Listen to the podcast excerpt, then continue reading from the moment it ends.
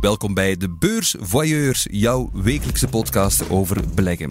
Blij dat we terug aan mogen beginnen. We zitten al meteen op de eerste rij om te zien hoe Ozempic het aandeel van Novo Nordisk doet pieken en hoe Birkenstock eigenlijk broken stock is op de beurs. Alles over beleggen en nog zoveel meer hoor je hier in de Beurs Voyeurs.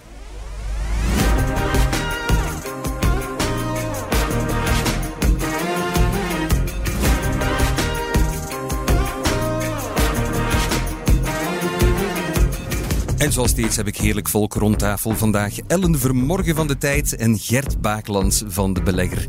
Ellen en Gert, hartelijk welkom. Dag Thomas, blij om hier terug te zijn. Ja, lang geleden. Hoe gaat het uh, met jullie? Ellen? Ja, zeer wel, denk ik. Het ja? zijn uh, beproevende tijden in veel opzichten. Ja. Um, zowel op de beurs als daarbuiten. Ik denk vooral geopolitiek uh, op dit moment. Dus dat houdt ons bezig, dat absoluut. Dat zal wel zijn. Boeiend daardoor ook wel. Gert, hoe is het met jou? Zeer goed, zeer goed. Uh, vakantie achter de, achter de rug, dus we kunnen met heel veel energie terug eraan beginnen. Hè. Fantastisch. Ik zie je bijna uiteenspatten van enthousiasme, dus laten we er inderdaad meteen aan beginnen. En we hebben een prachtige gast om dit seizoen mee te beginnen. De analogie tussen sport en de beurs is nooit echt veraf. En deze link brengt ons ook bij de volgende gast. Altijd op de hoogte van klassementen, koersdoelen, strategieën. Sportjournalist bij VTM Nieuws. Welkom Maarten Brex. Hallo. Dag Maarten. Heel blij hier te zijn. Fantastisch. Heel spannend ook, ook. Ontzettend blij dat je bent. Vind je het echt spannend? Ja, het is zo uit de comfortzone. Dat snap ik. Maar we kunnen met scores werken of zo, als dat jou rustig maakt. Met buitenspel van ja, ja, ja. veel. Ik kan jou geen gele of rode kaarten geven, uh, Maarten. Nee, nee okay. Het is een, een, vriendschappelijke match, laat ons het zo Mooi, zeggen. Mooi, mooie analogie in. Kijk, voilà. Ja. ja, je bericht natuurlijk uh, over sporten. Dat is zo. Uh, maar als je dan toch een sport zou moeten kiezen, ik vind dat, dat is een moeilijke vraag, ik weet het wel, maar ik stel ze toch. Hè.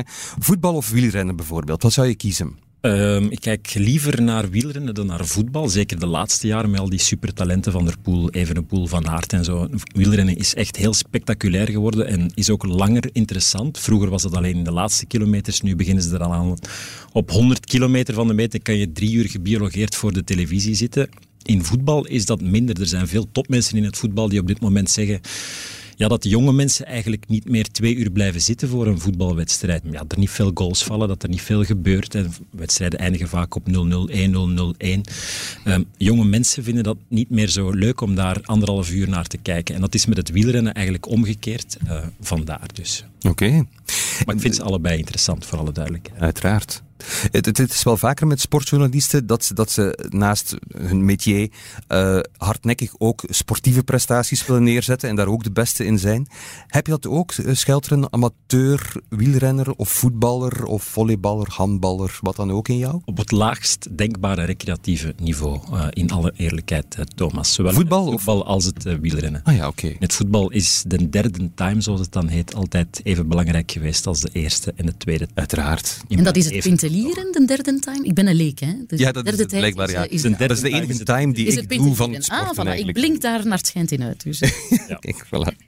Ja, ik ben wel altijd jaloers op mensen die daar echt zo gefocust op kunnen werken. Zo drie, vier keer per week uh, 80 kilometer gaan trainen met een doel ja. voor ogen. Uh, of, of trainen voor een marathon of voor een triathlon. Ik heb nu bijvoorbeeld een vriend die iedere ochtend om zes uur opstaat om ja, twee of drie uur in het zwembad te gaan liggen, omdat hij traint voor een triathlon waaraan hij volgende zomer wil deelnemen. Uh, ik bewonder dat, maar ik zou het zelf niet kunnen. Nee, ik ook niet, maar ik ben er echt gewoon te lui voor. Ik moet sowieso al vroeg opstaan en ik, ik heb geen tijd om nog in de zwembad te gaan liggen. Ja. Maar dit terzijde. Van wie ben jij zelf topsupporter, Maarten? Bedoel ik weet dat je het eigenlijk... of van een club? Of van... oh, laten we beginnen met een club. Wel, uh, ik ben van het Antwerpse. Ja. Uh, geboren in Wilrijk. En de allereerste wedstrijd waar mijn grootvader mij mee naartoe heeft genomen, toen nog gesponsord door Mercator Verzekeringen, was Den Antwerp. In die oude tribune 2, die nu zo leeg staat, waar ook veel om te doen is. Ja. En waar echt nog zo'n Engelse sfeer hangt uh, van de jaren 60 en 70, waar de golfplaten boven de tribune hangen. Echt zo een soort uh. Asbest, ja. ja. En dat, Heerlijk. En dat heeft mij toen toch begeesterd. Uh, ik blijf die club een, een, warm hart toedragen, maar het is niet dat ik thuis uh, sjaaltjes of, of gehandtekende shirts heb liggen of zo. Uh, Maar ik vind het bijvoorbeeld geweldig wat ze vorig jaar gedaan hebben. Uh, de dubbel gepakt, nu ook in de Champions League. En de manier waarop ze die titel ook hebben binnengehaald, ik denk dat niemand dat onberoerd laat. Nee, het is wel het moment om supporter te zijn en jij was het al, dus het telt. Kijk, voilà. Dat is heel mooi. Goed, hoe, hoe, is die eigenlijk de interesse voor alles wat met financiën heeft te maken ontstaan bij jou? Uh, ik ben nog eens uh, terug in de tijd gedoken uh, ter voorbereiding hierop. En dat dateert van eind 2017. Wij zaten toen nog op dezelfde redactie. Dat Beste maar. Ellen, ja, ja, ja. Kanaal Z zat bij VTM Nieuws. Paul Doren liep daar rond. Tom Simons kwam vaak in de schmink. Op dat moment waren vrienden van mij daar ook heel hard mee bezig. Die waren toen altijd aan het opscheppen over hun rendement met Apple toen, herinner ik mm -hmm. mij nog. Wat ja. toen in 2017 of eind 2017 in één jaar tijd 30% was. Mijn vader is er altijd mee bezig geweest, dus uh, ik ben me dan gaan inlezen. Ik heb mij dan het boek aangeschaft van Pierre Huilenbroek, jullie ook ja. niet onbekend ja. waarschijnlijk. Dat is al heel vaak gepasseerd, ja, ja, ja. En die schreef daarover op een dusdanige begeesterende manier dat mij dat enorm is gaan interesseren en ook um, haalbaar leek. Uh, ik ben nooit echt de sterkste geweest in cijfers of in economie, maar door dat boek te lezen, um, ja, dacht ik van zo moeilijk zal het uiteindelijk wel niet ja. zijn. Maar zo, dat, dat, is een goed boek. Als je dat gevoel krijgt, is het een goed boek. Ja. We zijn nu bijna zes jaar verder. En wat blijkt? Het, wat is het blijkt, zo moeilijk Het is of zo makkelijk? zeer, zeer, zeer. Het is uiteindelijk moeilijk en dat, daarin doet het mij ook weer denken aan het voetbal. Johan Cruijff zei altijd, er is niet zo moeilijk als simpel voetballen. En dat Ja. is op de beurs eigenlijk ook een beetje zo. Eh, als je je verstand erbij houdt en je niet te veel laat vangen door onnozeleden, is het uiteindelijk niet zo heel moeilijk, denk ik, als ik dat mag zeggen. Oké. Je werkt Dat een antwoord op je vraag. Ja, ja nee, dat is, dat is een uitstekend antwoord. Dank je wel. Maarten, je werkt ook eh, met je echtgenote Lies van den Bergen vaak redactioneel samen. Geldt dat ook voor beleggen? Doen jullie dat ook met z'n tweetjes? We zijn op een bepaald moment een aantal aandelen beginnen te volgen. Eén daarvan was een eh, cosmetica eh aandeel van Jessica Alba, denk ik. Van Jessica Alba. Och, nu zitten we in een niche. Ja, dat is... Wacht, hè. En dat kostte toen 10 dollar en dat kost nu nog anderhalve dollar. Ah, dat is een mooie investering geweest. Dat we daar toen niet in gestapt zijn. Ja. Heel fijn om je al een beetje beter te leren kennen, Maarten. Eh, tijd om eraan te beginnen en eens in het nieuws van de voorbije week te duiken met onze voyeurs. De beursblik. Ja, we hebben heel wat in te halen natuurlijk, dus laten we vooral van wal steken. Ellen, waar wil jij het met ons vandaag over hebben? Jawel, toch met een trieste vaststelling, denk ik, heren. Want ik vrees dat wij al maar minder gesprekstof gaan hebben hier in de beursvailleurs. Omdat Oei. er in mijn ogen ja, in een angstwekkend tempo bedrijven van de beurs verdwijnen. In Brussel dit jaar al een vijftal. Het Telenet is eh, vorige week, heeft vorige week zijn laatste handelsdag gekend. Een meststoffenproducent, Rogier, is verdwenen van de tabellen. Ook de wat ongelukkige eh, naamkeuze voor een vastgoedvernootschap Beffimo eh, hebben we niet leuk, langer ja. op de beurs. Wat nogthans een leuk bedrijf was om, om te schrijven, over te schrijven, om verschillende redenen. Maar het is een beetje een trend dat er eh, veel bedrijven ja, de beurs de rug toekeren. Dat ze worden weggekocht door families, investeerders, private equity maatschappijen en anderen. En eh, ja, dat stemt mij eh, ongerust. Ik vind dat jammer, want we verliezen diversiteit op de Kan, kan je een aantal vertrekkers noemen? Ja, dus ik heb er een aantal eh, genoemd. Eh, in Nederland zijn er ook heel veel. Eh, Bols, hè, de jenevermaker, een heel oud bedrijf dat meer dan vier eeuwen terug in de tijd gaat. Koninklijke Bril, een uitgever van heel mooie academische publicaties, ook overgekocht door een Duitse uitgeverij. Ehm, ja, hier in België, Exmar waren we bijna kwijt. Die blijven nu wel op de beurs, zij het aan een veel minder, in een veel minder liquide vorm. Maar het is een, hele rist bedrijven die we ja, zien verdwijnen zonder dat er eigenlijk vers bloed tegenover staat. Waarom vertrekken ze? Ja, ik denk dat er twee redenen zijn. De eerste is dat die waarderingen van die bedrijven fors zijn teruggevallen. En we komen uit een beroerd beursjaar en kleine aandelen met name hebben daar extra last van. Je ziet, alle aandacht gaat naar die grote jongens in de VS, naar die grote Magnificent Seven, die de Apples en de Nvidia's van deze wereld, die alles wegkapen. Niet alleen qua aandacht, maar ook qua ja, belegd vermogen. Hè. Er wordt eigenlijk geld uit de aandelenmarkt eh, gehaald, omdat veel mensen nu obligaties gaan verkennen, geldmarktfondsen, producten met een vast eh, rendement. En dat, eh, ja, daar lijden die kleintjes eh, het meest onder. hè. En die zijn dan op den duur goedkoop. En dan gaan mensen zeggen, zullen we dat eens bekijken om dat aan deze prijs te kopen en in privéhanden te nemen. Anderzijds heb ik ook het gevoel, en dat is misschien een les dat, dat, dat we eruit moeten leren, dat het voor veel bedrijven niet meer zo fijn is om een beursnotering te hebben altijd. Waarom? niet, omdat er alsmaar meer rompslomp bij komt kijken. Ik hoor veel ondernemers daarover klagen van de rapporteringen zijn dermate eh, veel eisend. hè. ESG-rapportage, zeer belangrijk, daar niet van. Maar we leggen die bedrijven wel eh, aan een heel groot regelgevend eh, juk, waardoor die gaan zeggen, oei, oei, zo'n beursnotering is het sop de kool wel waard. Hè. Kan ik me niet op een andere manier financieren? Dus ik denk dat daar ja, toch, voor, ook voor de politiek en voor beursuitbaters in het algemeen, dat we toch niet ja, echt een anti-beurscultuur mogen gaan maken door die bedrijven heel hard aan de ketting te leggen op allerlei vlakken. Want dan gaan we ja, geen beurs die naamwaardig behouden. Ja. En dat is net wat we nodig hebben in een economie. Het is een grote financieringsbron voor de economie. Dus eh, ja. Gert, die, die, die verschraling waar Ellen het over heeft, was je dat ook al opgevallen? Jawel, jawel. En dus zoals Ellen zegt, de, de beurs is een bron van financiering. En de voorbije jaar was vooral, ja, geld was, was potgoedkoop. Hè. En als je dan een, ja, een investering wilt financieren, waarom zou je kapitaal naar de beurs gaan halen bij mensen? Duur kapitaal. Als je heel goedkoop, gratis geld zelfs, kunt krijgen van, van de bank op dat moment. Eh, dus dat die heeft meegespeeld dat er eigenlijk geen instroom was van nieuwe bedrijven op de Brusselse beurs. En dan, ja, die, die uitstroom, ik kan het ook geloven hoor. Ik hoor heel veel mensen zeggen van potverdorie, ik heb aandeel A, B, C. Allemaal goe- goede familiebedrijven, goed geleid. eh, maar teleurgesteld zijn, dat doet niks en dat zakt. En inderdaad, dat, dat, dat wordt niet, niet opgevolgd door de grote bankanalisten. En, en dat zit daar maar te verpeuteren op de beurs. Maar ik zou het eerder positief willen kijken. Inderdaad, die uitstroom, die exits. Het is wel een degelijk een indicatie dat dat soort van aandelen wel degelijk goedkoop is. Hè, dus eh, ik zou zeggen, ja, laat nu de moed niet zakken. Eh, verkoop ze nu niet omdat je eigenlijk eh, het moe bent om dan die grote zeven gaan te kopen. Nee, hou ze goed bij. Want dit is een indicatie inderdaad dat, dat men soms premies kan bieden. In, in Nederland, Lucas Bols, premie van bijna 80 Ja, dat klopt. men van de Ja. beurs heeft gehaald. Dus daar zit wel degelijk value in dat soort van waarde. Dus bekijk het positief. Ja. Heb jij dat al eens meegemaakt, Maarten, dat je een botje op een aandeel kreeg? Eh, nee. Wel, eh, ik heb wel Resilux ooit gehad. Mhm. En Ja. ehm, ik heb dat verkocht omdat dat ook een beetje aan het verpeuteren was. Ja. en dan een paar maanden later is het toch overgenomen. Dus gemiste kans. Dat is dan balen dat je de premie net... is de eh, tempel van de ja. spijt. Gert. ja, dat is zo. Ja. Dankjewel, Ellen. Gert, wat heb jij meegebracht? Goh, eh, er was heel veel keuze. Hè. Je hebt dan die lange termijn mijnrente die enorm hard gestegen is. De Bel 20 die in de min staan dit jaar. eh, de Vele oorlogen met impact op de beurs. Eh, ik zou het iets minder, over een minder zwaar onderwerp willen hebben. Alhoewel zwaar. eh, over Ozempic. Oh, z- zwaar vandaar, ja. Ja. Ozempic, dat, is- dat is dat eh, geneesmiddel vooral voor diabetes, Ja, maar waar vooral Gert Verhulst eh, enorm veel van genomen heeft en dus Inderdaad. mooi is afgevallen. Ja. Dat is het, hè? ontwikkeld inderdaad voor diabetespatiënten. Maar men heeft snel ontdekt van kijk, dit heeft ook andere gevolgen. Zoals inderdaad, eh, je, je verliest vrij snel eh, veel gewicht. En dan zie je dat de bedrijven die dat produceren, Novo Nordisk hè, in, in Denemarken, dat die eigenlijk ja, ondertussen pakweg ongeveer 100 miljard euro meer waard is 100 eh, dan. LVMH, Louis Vuitton. Hè, dus eigenlijk het meest waardevolle bedrijf op de beurs is geworden in Europa. Eh Eli Lilly in, in de Verenigde Staten. Dus die zijn bezig ook met een- waarschijnlijk nog een beter product. Mounjaro, ja, zo, zo heet het.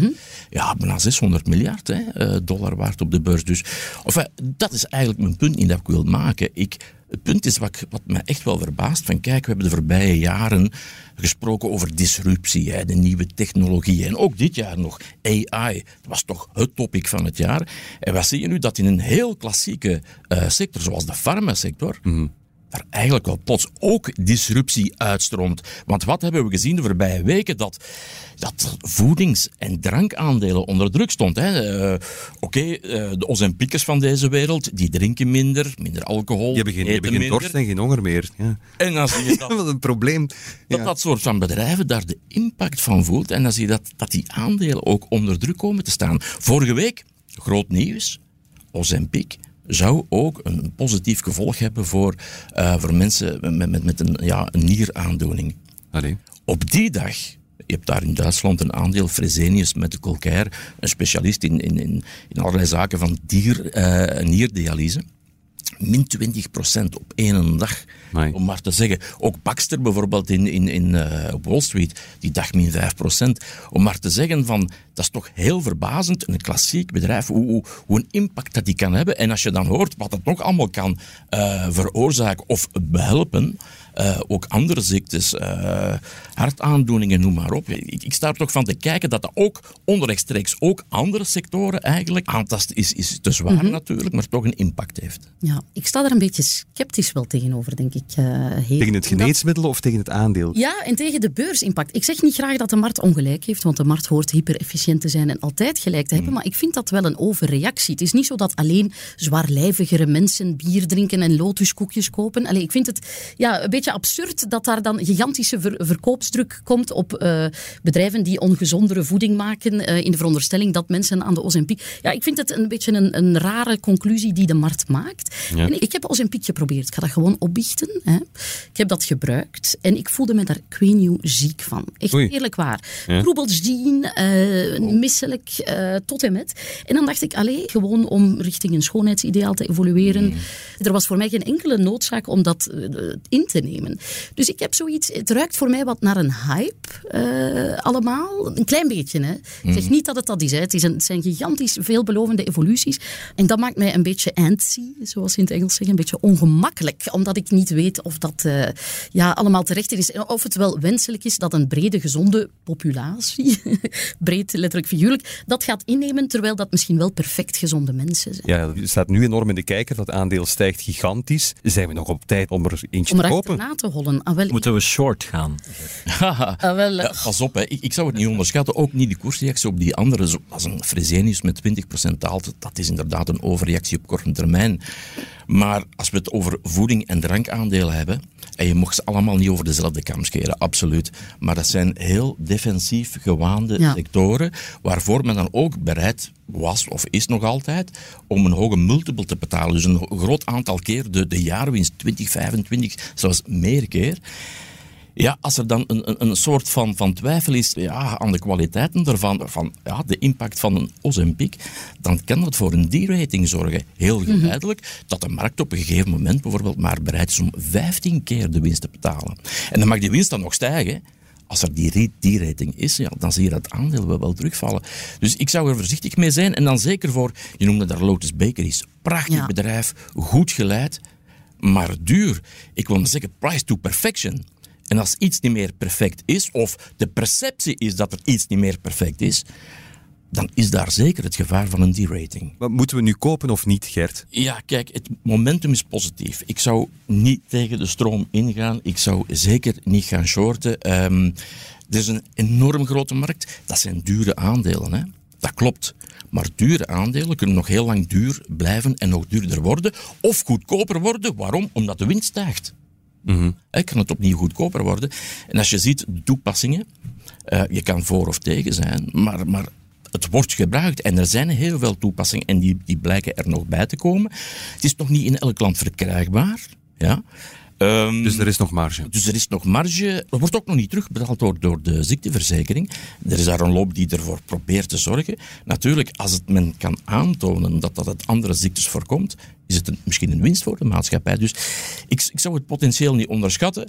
Eh, zou ik het nu nog achterna hollen, dat is een andere zaak. Ik, ik blijf er vanaf, maar ik zou zeker niet tegen de stroom ingaan. Zeker niet shorten, want ja, iets duur kan ook duurder worden. Eh, dat is ook vaak het geval op de beurs. Ja. Heb jij het geprobeerd al, Gert? Niet dat ik je daarmee... Want ik vind Ah, je prima zoals je bent. Hè, voor de- Eh, ja, dankjewel, Ellen. Maar ik ben toch wel 15 kilo bijgekomen eh, bij anderhalf jaar. En ik, ik zou er heel graag 10 kilo af hebben. Ik ben wel persoonlijk bang van, eh, bang van spuitjes. En ik moet zeggen, als je 200, 300 euro per maand moet neertellen, ik ga daar liever eens mee eten. Ja. Wel, ik, ik heb nog, eh, ik heb nog ongebruikte spuitjes. Ik ga met jou eten en jij krijgt ongebruikte Ozempic spuitjes Dus- uit mijn dus frigo. we, we gaan eten mogen- en we gaan de rest, eten. het is zo Voilà. goed dat ik het ga. Eh, Dat is mooi, mooi. Dankjewel, Gert. Over naar onze bijzondere gast van vandaag, Maarten.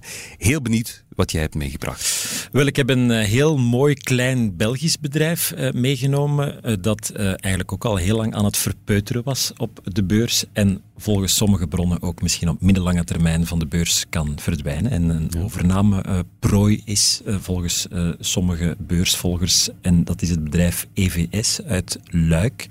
Wat doet de EVS? Zij brengen onder andere eh, sportevenementen zoals voetbalwedstrijden in beeld. En ehm, zij mikken vaak op de grote evenementen, zoals volgende zomer. Daar zijn de Olympische Spelen en het EK-voetbal in Duitsland. En ze hebben ook een aantal technische ehm, ja, dingen die zij op de markt brengen, zoals bijvoorbeeld het eh, vertragen van bepaalde fases. Ehm, zoals daar zijn bijvoorbeeld het aantonen van buitenspellijnen, wat natuurlijk zeer eh, actueel is op dit moment. Ah ja. Met de hele VAR-discussie. Je hebt Hein van Hazenbroek, de coach van Gent, misschien gehoord de voorbije weken, die dat allemaal wat amateuristisch vindt bij de Belgische eh, voetbalbond en bij de scheidsrechters. Maar EVS heeft een systeem, Xebra, spreek ik dat juist uit, eh, Gert? Het zou kunnen. Of Xebra, ik weet het niet. Maar laten we ons het op Xebra houden. En dat is een systeem dat de Wereldvoetbalbond hanteert om die buitenspellijn ehm, te bepalen. Blijkbaar, ik wist het niet, wordt dat om de vier jaar opnieuw getest. En dan krijgt EVS daarvan een certificaat, zodat de FIFA dat in het ehm, uitzenden van al die voetbalwedstrijden kan gebruiken. EVS heeft vorige week opnieuw zo'n certificaat gekregen voor de komende vier jaar. Dus volgende zomer bij iedere buitenspeldiscussie op het EK is het dankzij een Belgisch klein bedrijf met, wat is het, 600 werknemers geloof ik, ehm, dat wij gaan kunnen zien of het al dan niet buitenspel is. En daar hangen, zoals je weet Thomas, vaak mensenlevens vanaf eh, Ja. in het eh, topvoetbal. Wel bijzonder. Heb je daar een aandeeltje van in je portefeuille steken? Wel ja, het is eh, een van de weinige eh, Belgische aandelen waar ik eigenlijk al echt plezier aan beleefd heb. Nogmaals, het ging vaak eh, eigenlijk niet echt een, eh, een, een, een goede of een minder goede kant eh, op. Ik heb het ook nog maar een jaar. Ik heb het gekocht vorig jaar in oktober. Want dan Eh, heb je een mooie winst. Hè? dus dan heb ik inderdaad een mooi rendement van nu, wat is het, 25 procent Ja. ongeveer. Ehm, ook een heel mooi dividendrendement. Dat kijk ik ook altijd wel naar vooraleer ik eh, een pakket eh, aanschaf. En nogmaals, eh, een, een Belgische technologieparel, er zijn er al niet veel sowieso. Klopt, ja. En, Ja. Dus ik denk dat we dat bedrijf en die mensen moeten koesteren, want ze spelen mee ja, in toch een, een wereldsport met de grote jongens en dat eh, moeten we koesteren. Wat denken jullie, Gert en Elle? Goede koop Ja, van Maarten? fan. Ik ben grote fan ja, van EVS. Ik vind het een van de grote bewijzen dat je als stokpikker ook in België door goed je huiswerk te maken, ja, prachtige beleggingen kunt doen. Voor mij, ja, echt een opsteker ook, want in Luik, ja, er zitten andere bedrijven, laat ons zeggen. Ik zal het niet bij naam noemen, maar Luik, eh, de boorden van de Maas zijn momenteel niet eh, de mooiste eh, beursbiotoop. dus heel fijn dat daar een bedrijf als EVS, geleid door een Vlaming, Serge van Herk, dat dat daar een prachtig groeiparcours doormaakt in een zeer specifieke niche, in een heel hoogwaardige technologie. Voor mij, ja, ze moeten daar absoluut met hun fikken afblijven, want jij zegt het Maarten, er wordt wel eens naar gekeken als overname eh, prooi. Ja, ik hoop het niet. Hè. Het, is echt, eh, het is echt een heel fraaie, fraaie belegging waar we met z'n allen heel trots op mogen zijn. Ja. Ja, het is, het is ook een gezond bedrijf. Hè. In tijden van stijgende rentes hebben we netto cashpositie. Ik denk dat dat ook heel belangrijk is om, hè, om te Ja. kunnen handelen, om iets te kunnen ondernemen. Volgend jaar komen de Olympische Spelen eraan. Hè. Ook belangrijk is. En vroeger was het vooral die, die evenjaren die, die echt wel die winst stuwen. En positief eigenlijk sinds dit jaar, dat zelfs ook die oneven jaren eigenlijk, dat ze echt wel, wel goed presteren. Dit jaar al enkele keren de prognoses ook al verhoogd hè, in zaken winst voor 2023. Ik, ik had nog een vraagje aan, aan jou, Maarten. Xebra, of hoe je het ook uitspreekt. In de Belgische competitie wordt dat niet gebruikt. Komt daar eens een keer een verandering in? Of- Daar wordt naar gekeken nu op dit moment door de Pro League, begrijp ik, na de discussie met Hein van Azenbroek. Dus op dit moment trekken ze eigenlijk, laat ons zeggen, zoals ze in de kleuterklas een lijn trekken met een liniaal. Zo doen ze het op dit moment ook in onze Belgische competitie, terwijl ze dat in de Premier League en in de Champions League ja, met een echt een 3D-virtuele lijn zeg maar, natekenen en je het binnen de minuut ook te zien krijgt. Daar willen ze naartoe en daar gaan ze ook investeren bij de Pro League. Laat ik mij vertellen, de huidige CEO van de Pro League, eh Lorin Parijs, komt uit de politiek. Dus Ja. Kan misschien het vooruit gaan. altijd beter verkopen dan het uiteindelijk zal zijn. Maar eh, ik begrijp in ieder geval toch dat de Pro League er werk van wil maken om het volgend seizoen eh, er allemaal een ietsje beter te laten uitzien. Toch, ja. Oké, dankjewel Gert. Heel interessant. Ik denk dat het tijd is om Wanda eens alle aandacht te geven waar ze heel hard op uh, heeft zitten wachten en eens in jouw portefeuille te kijken.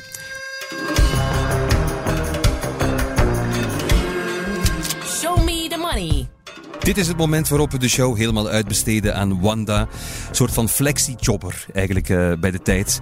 Maar ook wel een computer, laten we eerlijk zijn. Dus uh, ja, het is, er zitten twintig vragen in Wanda verstopt. En we vragen telkens aan jou om één cijfer tussen 1 en 20 te noemen. Dat roept dan een vraag op. En voilà, het, zijn, het is nogal vrijpostig. Ik zeg het erbij, het zijn wij niet, okay. het is Wanda. Goed? Oké, okay. ja. Misschien al eens testen? Een nummertje? 1 tot 20? Uh, 7. Op welk verkocht aandeel heb je het meeste winst gemaakt? Het antwoord daarop horen we dadelijk na dit. Sportjournalist Maarten Brex is hier te gast vandaag bij de beurs Voyeurs.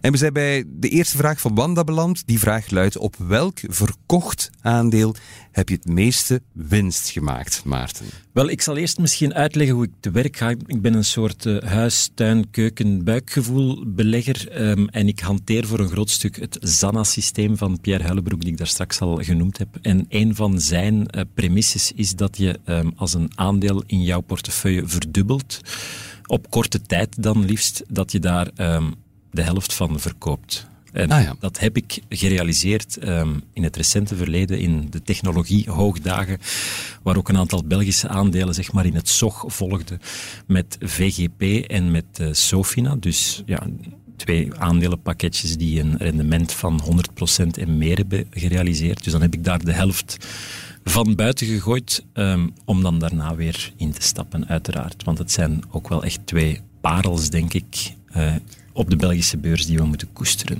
Ja, die het zeer lastig hebben gekregen uh, toen de rente is gaan stijgen. Dus je hebt er inderdaad aan goed aan gedaan om een deel van die positie toch uh, ja, op een hoogtepunt uh, ja, te sluiten of afscheid van te nemen. En dat is met die Zanna-methode. Ik vind het een heel boeiende methode. Dat is heel methodisch. Hè? Je moet, als je zoveel procent ja, verlies hebt, zegt die methode van Pierre ook, dan moet je het kutten. Maar het is een zeer, zeer boeiende methode. En ik denk het is gewoon gezond verstand vooral. Het, ja. Wij noemen het herbalanceren. Ja. Een gepast gewicht toekennen. In functie van, van het risicoprofiel van, van elk aandeel. Maar als dat verdubbelt, ja, dan, dan stijgt ook dat gewicht van dat ene aandeel in je totale portefeuille. Dus dan moet je een klein beetje herbalanceren, ja, aanpassen naar een gepast gewicht. En dan zal je zien dat je inderdaad ja, gebruik maakt van stijgingen om ook deels te verkopen en deels die winst uh, veilig te stellen. En bovendien ook die stijging was er op een heel, heel korte termijn. Mm. En meestal, wat je daarnet ook zegt met Novo Nordisk, als het te mooi is om waar te zijn, is het meestal ook niet waar. En dat is hm. na, jammer genoeg ook gebleken, zowel bij Sofina als bij VGP, die nu opnieuw noteren op ja, misschien wel koopzonewaardige uh, getallen, Gert. Is dat koopzonewaardig? Ja, ik, ik... Ze zijn zeer sterk teruggevallen. Hè. Ja, dat is... is... een feit. Dus ik kan niet anders dan vaststellen dat ze veel slaag hebben gekregen. Voor mij, ja, als, de, als de rente een duidelijk plafond heeft en de koersen een bodem, dan kan je daar terug naar gaan kijken. Ja. Absoluut. Ik denk voor um, Sofie dat nog iets te vroeg is. Het is al, al een jaar eigenlijk uh, horizontaal. Ik verwacht er nog wel wat afboekingen. Maar met een horizon van, van twee à drie jaar. En ook die, die vastgoedsector eigenlijk. Dat zijn, ja, uh, vroeger noteerden ze met, met premies tot zelfs, en zeker in logistiek vastgoed, met, met 100 procent. Dat is enorm duur. Dankzij die lage rente natuurlijk. Dan krijg je die rentestijging. En dan zie je dat heel veel van die vastgoedaandelen niet zozeer in logistiek uh, segment, maar, maar zelfs ja, noteren met, met decotes, met kortingen ten opzichte van hun intrinsieke waarde. Ja. 30, 40, 50 procent. Dus het is, die wereld is totaal gekeerd. Um, wanneer keert dat terug? Dat kunnen we pas achteraf zeggen. Je kan dat echt niet op 10% nazeggen waar het dieptepunt is. Maar vanuit een perspectief van twee à drie jaar zie ik daar zeker kansen. Ook omdat daar, uh, ja, dat is een segment met, met hoge dividendrendementen ook. Plus die decote, ja, daar, daar zit wel wat in inderdaad. Oké. Okay. Nog een cijfertje. 10. Van welk aandeel droom je? Mocht eens losgaan, hè, Maarten? Uh, doe dan toch maar Lotus Bakeries. Ja? Uh, ik herinner mij, toen ik net begon, noteerde het rond de 2700 euro. En nu kan je die 2 en die 7 omdraaien ongeveer. Mm -hmm. 7200 euro. En bovendien, dat is dan een persoonlijk detail, ben ik een ongelooflijke uh, speculaasverslaafde. Dus ah, ik, ja, ja, ik, ik, ik, heb twee, ik heb twee jonge kinderen, dus uh, iedereen zal met mij kunnen relaten dat ik s ochtends drie, vier koffies nodig heb vooraleer de dag eigenlijk echt kan beginnen. En telkens met een speculatie. Bij koffie ja, hoort natuurlijk het gesopte speculatie. Dus iedere ochtend word ik geconfronteerd met die tempel van de spijt, met het feit dat ik Lotus Bakeries niet in portefeuille heb. Maar mijn vrouw woonde vroeger in eh, West-Vlaanderen, in Ruddervoorde, haar familie nog altijd. Wij proberen daar vaak op bezoek te gaan. Dus iedere keer als we vanuit Antwerpen naar West-Vlaanderen rijden, passeren we ook die eh, prachtige fabriek van nu Biscoff, is het zeker? Ja, klopt. Ja. En word ik daar ook mee geconfronteerd dan, Ja. dat ik het niet in portefeuille heb. Maar eh, wat niet is, kan misschien nog komen. En om eerlijk te zijn, eh, ben ik ook niet de belegger met dusdanig veel centen die zomaar even 7200 euro kan leggen voor een pakket aandelen. Dus ehm, ik vraag me af waarom zij nog altijd, eh, als ik dat mag vragen, eh, niet denken aan bijvoorbeeld een splitsing om het allemaal wat democratischer te maken. Absoluut, absoluut. Gedeeld door 100 zou goed zijn. Ja, ja, ja, dat is een van mijn absolute stokpaardjes. Ja, ik heb het al heel vaak voorgesteld, ook de familie Bonen. eh, Maar waarom doen ze het dan niet? Ah, wel, voor hun is het denk ik een prestigezaak, ook omdat het wijst op hun groeiparcours. Als je nominaal aan je koers kan aflezen, daar staat 7200 euro. En er stond in de tijd dat jij het aandeel begon te bekijken 2700. Ja, het, het geeft jou een weer, ja, het zegt op papier in één mooi getal wat voor groei er je, je er hebt op zitten. Moet- En het is een erezaak dat zij dat willen behouden. Het is een, een prestige om eh, ja, in hun koers de groei af te lezen. Ja. Ja, ik denk dat je die, diezelfde vraag eens moet stellen aan Warren Buffett. Hè? Ook al, dezelfde het? Als ik hem motivatie. zie, zal ik het hem zeker Nee, maar ik denk dat dezelfde oorzaak, eh, wat, wat de reden is, wat jij nu vertelt, eh, ehm, Ellen, dat ja, kijk, van, wij zijn zo hard gegroeid en wij zijn, kijk, Ja. dat is eh, exclusief, hè. Hoewel het de verhandelbaarheid, want ik ben hetzelfde als jij en Maarten, ik ga ook geen 7000 euro voor één aandeel op tafel leggen, dat is niet, eh, daarvoor ben ik een veel te kleine vis. Als ze het zouden splitsen, wat ik echt hoop, ik hoop het, welle, het zou zoveel eh, aangename bijkomstigheden hebben, in die zin dat de verhandelbaarheid dermate zou opgevoerd worden, dat we eindelijk Lotus in de Bel 20 krijgen. Het is de belegging waar we met z'n allen het trotsten op zijn. Elke Belg is er zo fier als een gieter op en, en we, we hebben dat toch maar, een koekjesbedrijf dat eruit ziet gelijk dat een koersgrafiek van, van Nvidia is. Hè. Als, Plus dat iedereen verdient ook een stukje van de koek. en verdient inderdaad, maar Thomas, dat is nu de slot. Dat ja, dat verdienen we. We verdienen dat, eh, familie Bonen. Kunnen jullie dat alsjeblieft op vraag hier van Maarten Breks, onze sympathiekste nieuwsanker, eh, sportanker, kunnen jullie dat toch eens overwegen? En als we het dan toch over Buffett hebben, waarom dan geen B-aandeel van Lotus bijvoorbeeld? Ja, maar dan democratiseer je het niet echt, want dan zijn daar dikwijls eh, een aantal eh, ja, eh, beperkingen aan verbonden, minder stemrechten enzovoort. Ja. Dus ja, dat, dat com- compliceert ook je aandeelhouderstructuur heel erg. Ik zou gewoon zeggen, splits de boel. Ga niet met kasten werken, hè, niet met ja, verschillende ABC-classificaties, maar splits het gewoon en laat, Keep it simple. keep it simple. Allee, het is te hopen dat ze naar de beursvailleurs luisteren. En we, zullen, we zullen afwachten. Goed, nog een cijfertje, Maarten. Ehm, het rugnummer van Kevin De Bruyne misschien, 17. Welk aandeel is de nagel aan jouw doodskist? Ehm goeie vraag. De eerste die in mijn gedachten opkomt is GIMF. Ik vind dat persoonlijk ook een prachtig eh, Belgisch bedrijf. Toegang tot private equity in België en ver daarbuiten. Heel mooi dividendrendement. Maar als je kijkt naar die koersgrafiek van de laatste tien jaar, zit daar echt heel weinig beweging in. En toch blijf ik erin geloven. Is dat een antwoord? Maar de- wat is dat precies? Ik, ik, ik, ik ken het nog niet. GIMF is de Vlaamse investeringsmaatschappij die wat minder Vlaams gaat worden nu, eh, zoals ik het Ja. eh, begrepen heb. Ehm, en ja, heel veel investeert in, in private equity bedrijven. Ja. Heel mooie namen die daarin zitten in de ehm, gezondheidssector en in de... Ja, zij willen ook, ehm, hoe heet het, Ehm, steden... Cleantech, urbanisatie, Ja, steden, ja. smart cities, eh, dat soort dingen. Dus ze zijn in het leven geroepen als investeringsvehikel van de Vlaamse overheid. Mhm. Maar ze zijn dat ontgroeid en zijn eigenlijk een internationale speler in, in private equity geworden. Waardoor de Vlaamse overheid is gaan zeggen, ja, dat past toch iets minder binnen onze kerntaken. En zij willen dat belang nu verkopen. eh, voilà. Dus dat zorgt voor onzekerheid op die koers van GIMF. Omdat iedereen bang is, ja, maar ja, als die een grootste aandeelhouder, zijnde de Vlaamse overheid, daaruit stapt, gaan we dan niet met wat we noemen een gigantische overhang, allemaal aandelen die de markt opstromen, uh, ja, dat kan de koers drukken. De overheid zegt wel ja, dat het waarschijnlijk, of het klinkt toch zo, hadden een heel mooi interview met Koen de Jonkheren in onze afgelopen weekendkrant, dat de overheid dat niet zo maar op de markt gaat zwieren, dat belang maar daar een, een adequate koper in één geheel uh, uh, voor zou vinden aan een hopelijk mooie prijs, waar dan beleggers toch ook iets aan gaan hebben. Maar ik volg jou, Maarten. Ik vind het ook een heel boeiende holding, boeiende investeringsmaatschappij. Het enige pijnpuntje dat ik erin zie, uh, qua kosten liggen zij hoger dan gemiddeld. Het is eigenlijk een beetje, um, als ik dan toch één ding, want ik vind ze schitterend, ze doen prachtige dingen, uh, maar één ding dat er dan toch een beetje een doorn in het oog is, dat bijvoorbeeld de werkingskosten om het, om het fonds te beheren, liggen hoger dan bij sectorgenoten. En dat kan voor sommige beleggers misschien een, een puntje van kritiek zijn of, of ja, ja, jij bent het niet eens. Uh... Jawel, jawel, maar ik zou zeker niet wanhopen. Um, kijk, investeringsmaatschappij, door de beurs wordt het aanzien als een holding. En wat zie je? Dat, dat die holdingkortingen, die discounts, dat die de voorbije jaren eigenlijk door een desinteresse in, in de beurs op toekoer in België, dat die, dat die kortingen eigenlijk zijn gaan stijgen. En GIMF ja, wordt daarin meegesleurd, ook daar wat hogere kortingen.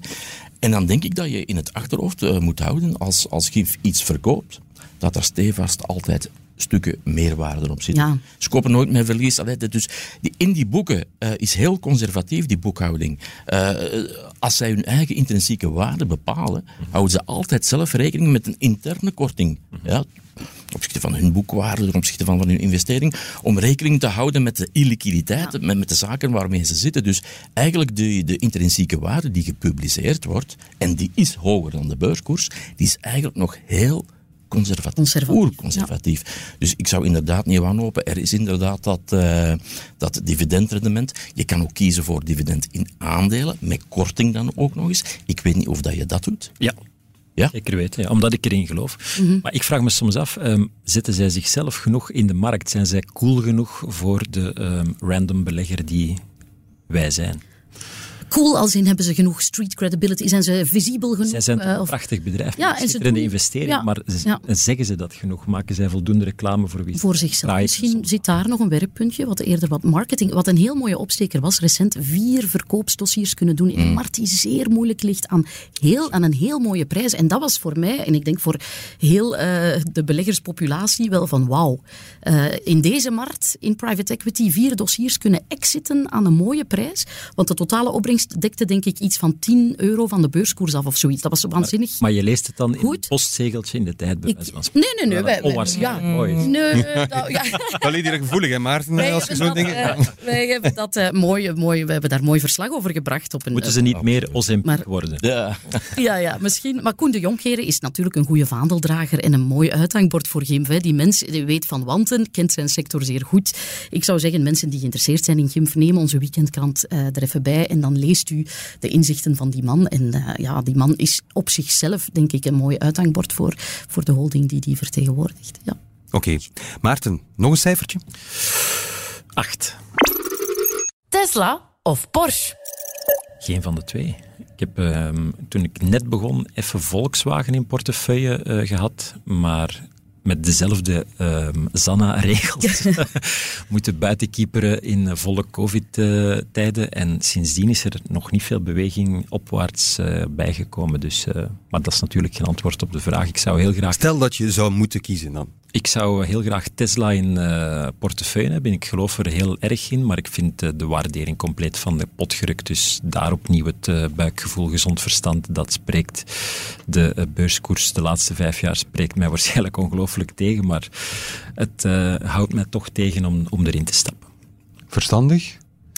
Um, ik ben ook in het kamp dat Tesla uh, al heel vaak duur heeft genoemd. En dat eigenlijk, ik heb altijd ongelijk gekregen. Dus ik, ik ga mij uh, wijselijk onthouden van deze uh, moeilijke Sophie's Choice kwestie. Gert? Wel, ik heb net een meeting gehad met, met onze analisten van de belegger. En ik kan u zeggen, één daarvan die het aandeel volgt, gaat erover uh, analyseren en, en volgende week in de belegger. Kijk. Ah, ah Leon, cliffhanger. ja, dan moeten we gaan kijken. Dat is goed. Maarten, laten we nog eentje om het echt helemaal af te leren. Nummer drie. Welk advies dat je ooit las of kreeg, is volgens jou van de pot gerukt? Liefst niet iets wat je vandaag hebt gehoord, maar van langer geleden. Wel, het is misschien bizar om te zeggen, maar een ehm, advies van Pierre Huilenbroek, man die zijn volk samen met vele anderen leert beleggen. Ehm, ik begrijp nog altijd niet goed zijn focus op puur en alleen Belgische beleggingen, hoewel het rendement van zijn Belgische portefeuille eigenlijk te wensen overlaat. Uh, hij, hij, zegt daar dan over dat het voor hem onmogelijk is om alle aandelen te volgen, ook internationaal, en die portefeuille te diversifiëren. Maar als je kijkt naar de rendementen, um, ja, we hebben het daar net over de Bel 20 gehad, alleen al dit jaar, maar ook bijvoorbeeld in de afgelopen tien jaar, en je gaat dat vergelijken met bijvoorbeeld Eurostox, met bijvoorbeeld Nasdaq, ja, dan is het verschil gewoon treffend. En dan is het volgens mij naïef als um, goede huisvader die ik ben, om uh, niet te gaan kijken naar uh, grote tech-aandelen, naar bijvoorbeeld LVMH, naar bijvoorbeeld ASML op lange termijn, om die uh, portefeuille toch een beetje peper en zout te geven. Dus um, ja, ik vind dat een beetje van de pot gerukt en naïef om te denken dat je met alleen Belgische aandelen um, een hoog rendement kan scoren op lange termijn, zeg ik als amateurbelegger. Ja. Nee, je hebt gelijk, Maarten, dat dat zo'n home bias, zoals wij het uh, noemen, dus een voorkeur voor je thuismarkt, is een handicap als belegger. Dat is het zeker. Anderzijds, um, ik ben ook een groot pleitbezorger van de heimatbeurs, omdat we die bedrijven kennen en beter kunnen leren kennen. Hier kunnen wij als kleintjes nog een informatievoordeel behalen. Dat kan je niet met die megacaps. Daar is alles al in de. Hier kan je door echt je huiswerk te maken op een EVS bijvoorbeeld of op andere small midcaps kan je echt uh, ja, een informatievoordeel hebben als kleintje. En dat is een luxe die je eigenlijk uh, misschien in de nabuurindexen ook nog, maar die je als je verder gaat gaan niet hebt. En dat maakt dat ik wel geloof in een overwicht voor Belgische aandelen in een portefeuille van een Belgische particulier. Uh, omdat ik denk dat daar ja, daar, dat is onze, ons, ons brood en boter. Dat kunnen we kennen en kunnen we doorgronden. En daarom ben ik daar fan van, ja. Ja, maar er is helaas die armoede op de Brusselse beurs. Dus je moet ook wel kijken ja. naar een Amsterdam. Heel mooie, fijne bedrijven, Parijs. Dus uh, echt wel daarbuiten kijken ook. Maar ik, ik, sluit me zeker aan bij het verhaal van, van koop wat je kent. En hier heb je toch meer voeling met de bedrijven van hier.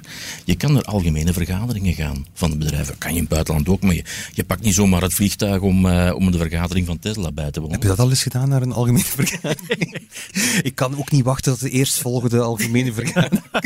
nee, maar is echt boeiend hoor. Ja, ik geloof het, absoluut. Je wordt er goed ontvangen, uh, sepsie, drankje, of soms zelfs met een hapje, uh, wat eten erbij. Je kan het management vragen stellen, kritische vragen. Ze moeten u beantwoorden. Mm-hmm. Uh, ook op de receptie achteraf of zo. Je spreekt met het management. Um, het management is, is meer benaderbaar dan je maar zou denken. Hè? Dus, dus dat zijn allemaal bronnen uit eerste hand die je kan hebben om een goed gedacht te vormen over het bedrijf en dan uiteraard ook het aandeel. Mm-hmm. Oké. Okay. Oké. Okay. Dankjewel Maarten. Je hebt uh, Wanda meer dan goed doorstaan, denk ik. Het is tijd om wat aandacht te geven aan ons luisteraar, want die popelt al even uh, vol ongeduld om zijn vraag te stellen. De hulplijn. U vraagt, wij draaien of Peter, wij bellen nu terug en proberen jou zo goed mogelijk te helpen met je beleggersvraag.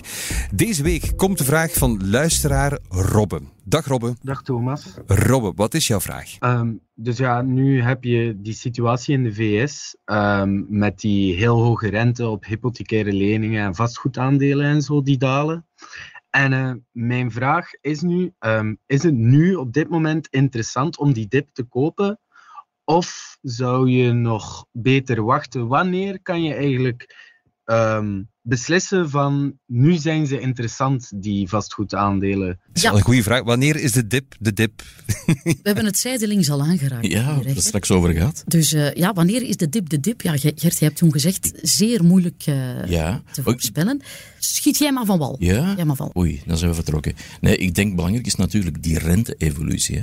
Vroeger uh, ja, gratis geld, investeringen in vastgoed was ook aantrekkelijk voor beleggers, omdat er wel rendement te rapen viel. Maar nu natuurlijk met die, met die hoge rentes, investeringen worden vrij duur. Dus vanuit de vraagkant naar projecten. Dat is al, dat is al iets negatiefs natuurlijk. Maar ook uh, heel veel van die vastgoedbedrijven, of vastgoedaandelen, GVV's uh, in, in Brussel, die, die hebben schulden. Ja, die hebben een schuldenhefboom. En als je dan ja, je schulden moet herfinancieren aan een veel hogere kost, dan weegt dat natuurlijk op die rentabiliteit. Hè. Ehm, beleggers hebben ook een alternatief. Hè. Ze kunnen nu staatsbonds kopen of uh, obligaties met, rendementen van 3% en meer. Ja, zonder risico tussen aanhalingstekens. Dus uh, kijken al wat minder naar die vastgoedaandelen natuurlijk. Vroeger um, premies tot 100% zelfs. En nu zie je het andere extreem. Ja. Uh, decotes van 30, 40, 50%. Nu moet je wel oppassen. Vastgoed is vastgoed. Ah, kom, dat is niet waar. Hè. Er zijn verschillende segmenten. Er zijn vastgoedsegmenten waar er groei is. Uh, denk aan, aan heel dat, dat, dat logistieke uh, gedoe. denk aan zorgvastgoed ook. Maar als we het hebben over kantoor bijvoorbeeld. Ja, met thuiswerk en zo, dat, is niet echt groei. Dus die markt staat veel meer onder druk.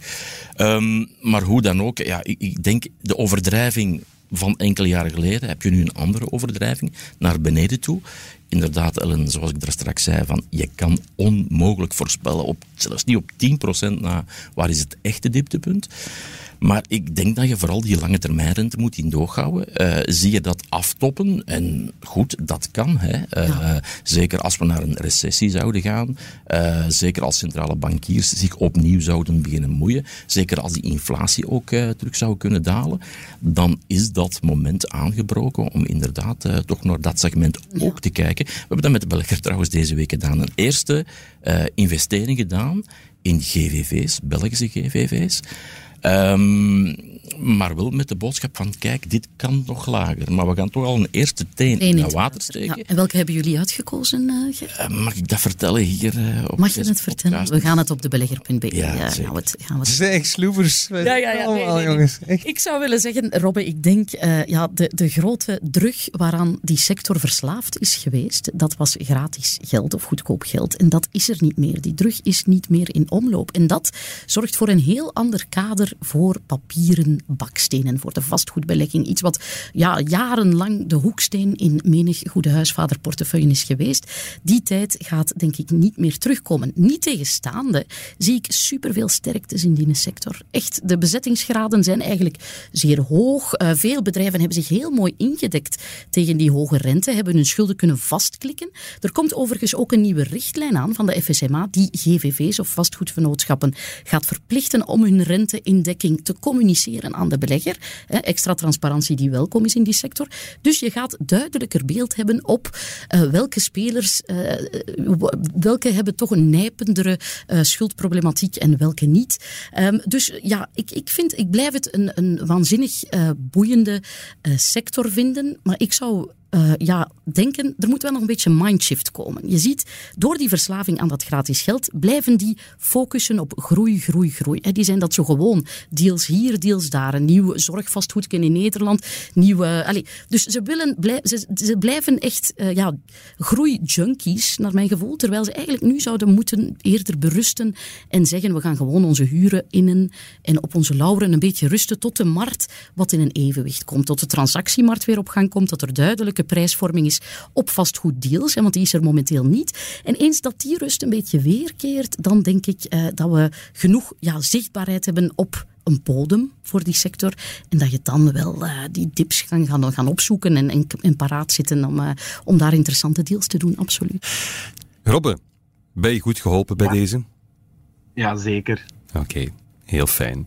Dankjewel voor jouw vraag, beste Robben. En heeft u ook een vraag voor onze beursvoyeurs? Aarzel dan niet. Stel ze via podcast.tijd.be, want we helpen jou natuurlijk ontzettend graag. Genoeg stilgestaan bij deze week. Tijd om eens vooruit te blikken naar volgende week. De blik vooruit. Eeuwige positivo's zijn we natuurlijk bij de beursvailleurs, dus die blik altijd vooruit. En zo kijken we wel graag eens naar de week die komt. Welke toppers en floppers zullen de beurzen doen daveren? Welke andere grote beurszaken staan op de planning? En houden we dus best in de gaten. Onze vailleurs vertellen het allemaal gewoon vrolijk aan ons. Ellen, toch? Jawel, Thomas, zeer zeker. Waar kijk jij naar uit? Ik denk bij mij een aantal resultatensets uh, waar ik naar uitkijk. Een eerste is Philips, hè. ooit uh, ja, die roemrijke Nederlands concern, waar ooit ASML uh, uit de schoot van Philips is voortgevloeid, maar nu in een sukkelstraatje zit. Met name door heel die slaapapneu nachtmerrie. Hè, dat zij in balans zijn. Heb je ervan gehoord? Zij maken nee. die, ja, zo toestellen. Ja? dat heet Dream Stations voor mensen die lijden aan slaapapneu. Um, een soort beademingstoestellen, maar blijkt dat daar een aantal onderdelen delen uh, los kunnen komen. Isolatieschuimen die kunnen afbrokkelen en die een gezondheidsrisico uh, inhouden. Oei. En dat is iets wat blijft uh, als een blok aan het been van Philips hangen, omdat er ja, van alle politieke instanties, overheden erop tegen zijn en, en ja, willen dat die toestellen gebannen worden. Dus het is uitkijken naar in hoeverre is dat nu verteerd, ja of nee, of blijft die ja, slaapapneu, nachtmerrie toch nog voortduren voordat ooit zo... nachtmerrie, ja, ja. heel mooi. Ja, ja, wel, ja, nee, ja, het, is, het is niet mijn beste Allee, vergeef hem, vergeef hem mij. En dan verder, ja, ik ging zeggen Telenet volgende donderdag. Maar ja, die zijn er nu niet meer. Maar de een zijn dood is de ander zijn brood. Want wie kan er nu mooi in het voetlicht treden? Dat is Proximus, die op vrijdag met cijfers komen. En dat is, uh, ja, zij hebben dan weer uh, ja, de spotlights voor zich. Nu Telenet uh, er niet meer is of niet meer op de beurs staat. En je ziet dat Proximus de jongste weken toch aan een remonte bezig is. De koers was afgezakt naar een all-time low. Zat heel, heel ver.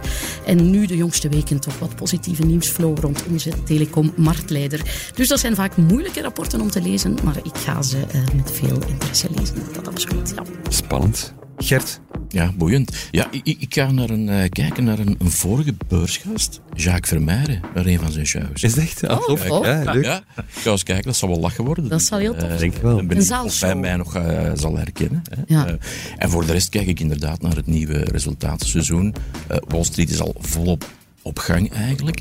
En kwartaal 1 en kwartaal 2 hebben we daar een winstrecessie gezien. Dus dat wil zeggen dat, dat de winsten eigenlijk gemiddeld op, S&P 500 niveau daalden.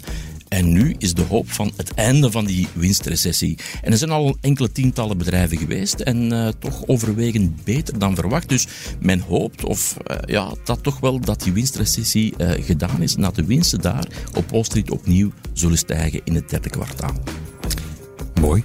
Ik kan dan niet wachten tot volgende week. Dat, uh, dat horen we dan allemaal. Maarten, waar kijk jij naar uit? Uh, resultatenseizoen. Uh, van op iets verdere afstand dan de andere twee gasten hier. Um, de première van Het Smelt. Het regiedebuut Ah, ja. van Veerle Bates. Verfilming van de prachtige roman van Lise Spit. En komend weekend weer competitievoetbal. En ik ben toch eens benieuwd hoe dat er gaat uitzien. Union speelt thuis en RWDM speelt thuis. Gaan wij in alle vrijheid nog naar voetbalwedstrijden kunnen kijken de komende weken? Um, we gaan het uh, in het oog houden. En het is uh, ja, een jammerlijk gevolg van uh, wat er gebeurd is. Ja, we hopen het met jou. Afwachten maar. Oké. Okay. Dankjewel. Goed, dit was het voor vandaag. Ik bedank onze beursvoyeurs van dienst 11 vanmorgen, Gert Baaklands en natuurlijk onze bekende voyeur Maarten Brex. Ook grote dank aan luisteraar Robbe voor zijn boeiende vraag. Volgende week zijn we er opnieuw met een gast die nog niet al te veel wou prijsgeven, behalve dit. Graag tot volgende week. Yes, yes, yes. Ik ben de eerste mystery guest van dit seizoen. En mysterieus, dat ben ik eigenlijk ook wel. Ik schat dat de meesten mij eigenlijk niet gaan kennen, tenzij dat op TikTok, Instagram of Snapchat zit. Daar deel ik mijn financiële tips en tricks en daarom noemen ze mij tegenwoordig een finfluencer. Dus, Thomas en Ellen, mocht mij volgen hè. Enfin, dat en nog veel meer volgende week in een nieuwe aflevering van De Beursvoyeurs. Dit was De Beursvoyeurs. Presentatie door Thomas de Soete, productie door Anne-Sophie Moerman. Mis het beursnieuws niet op tijd.be.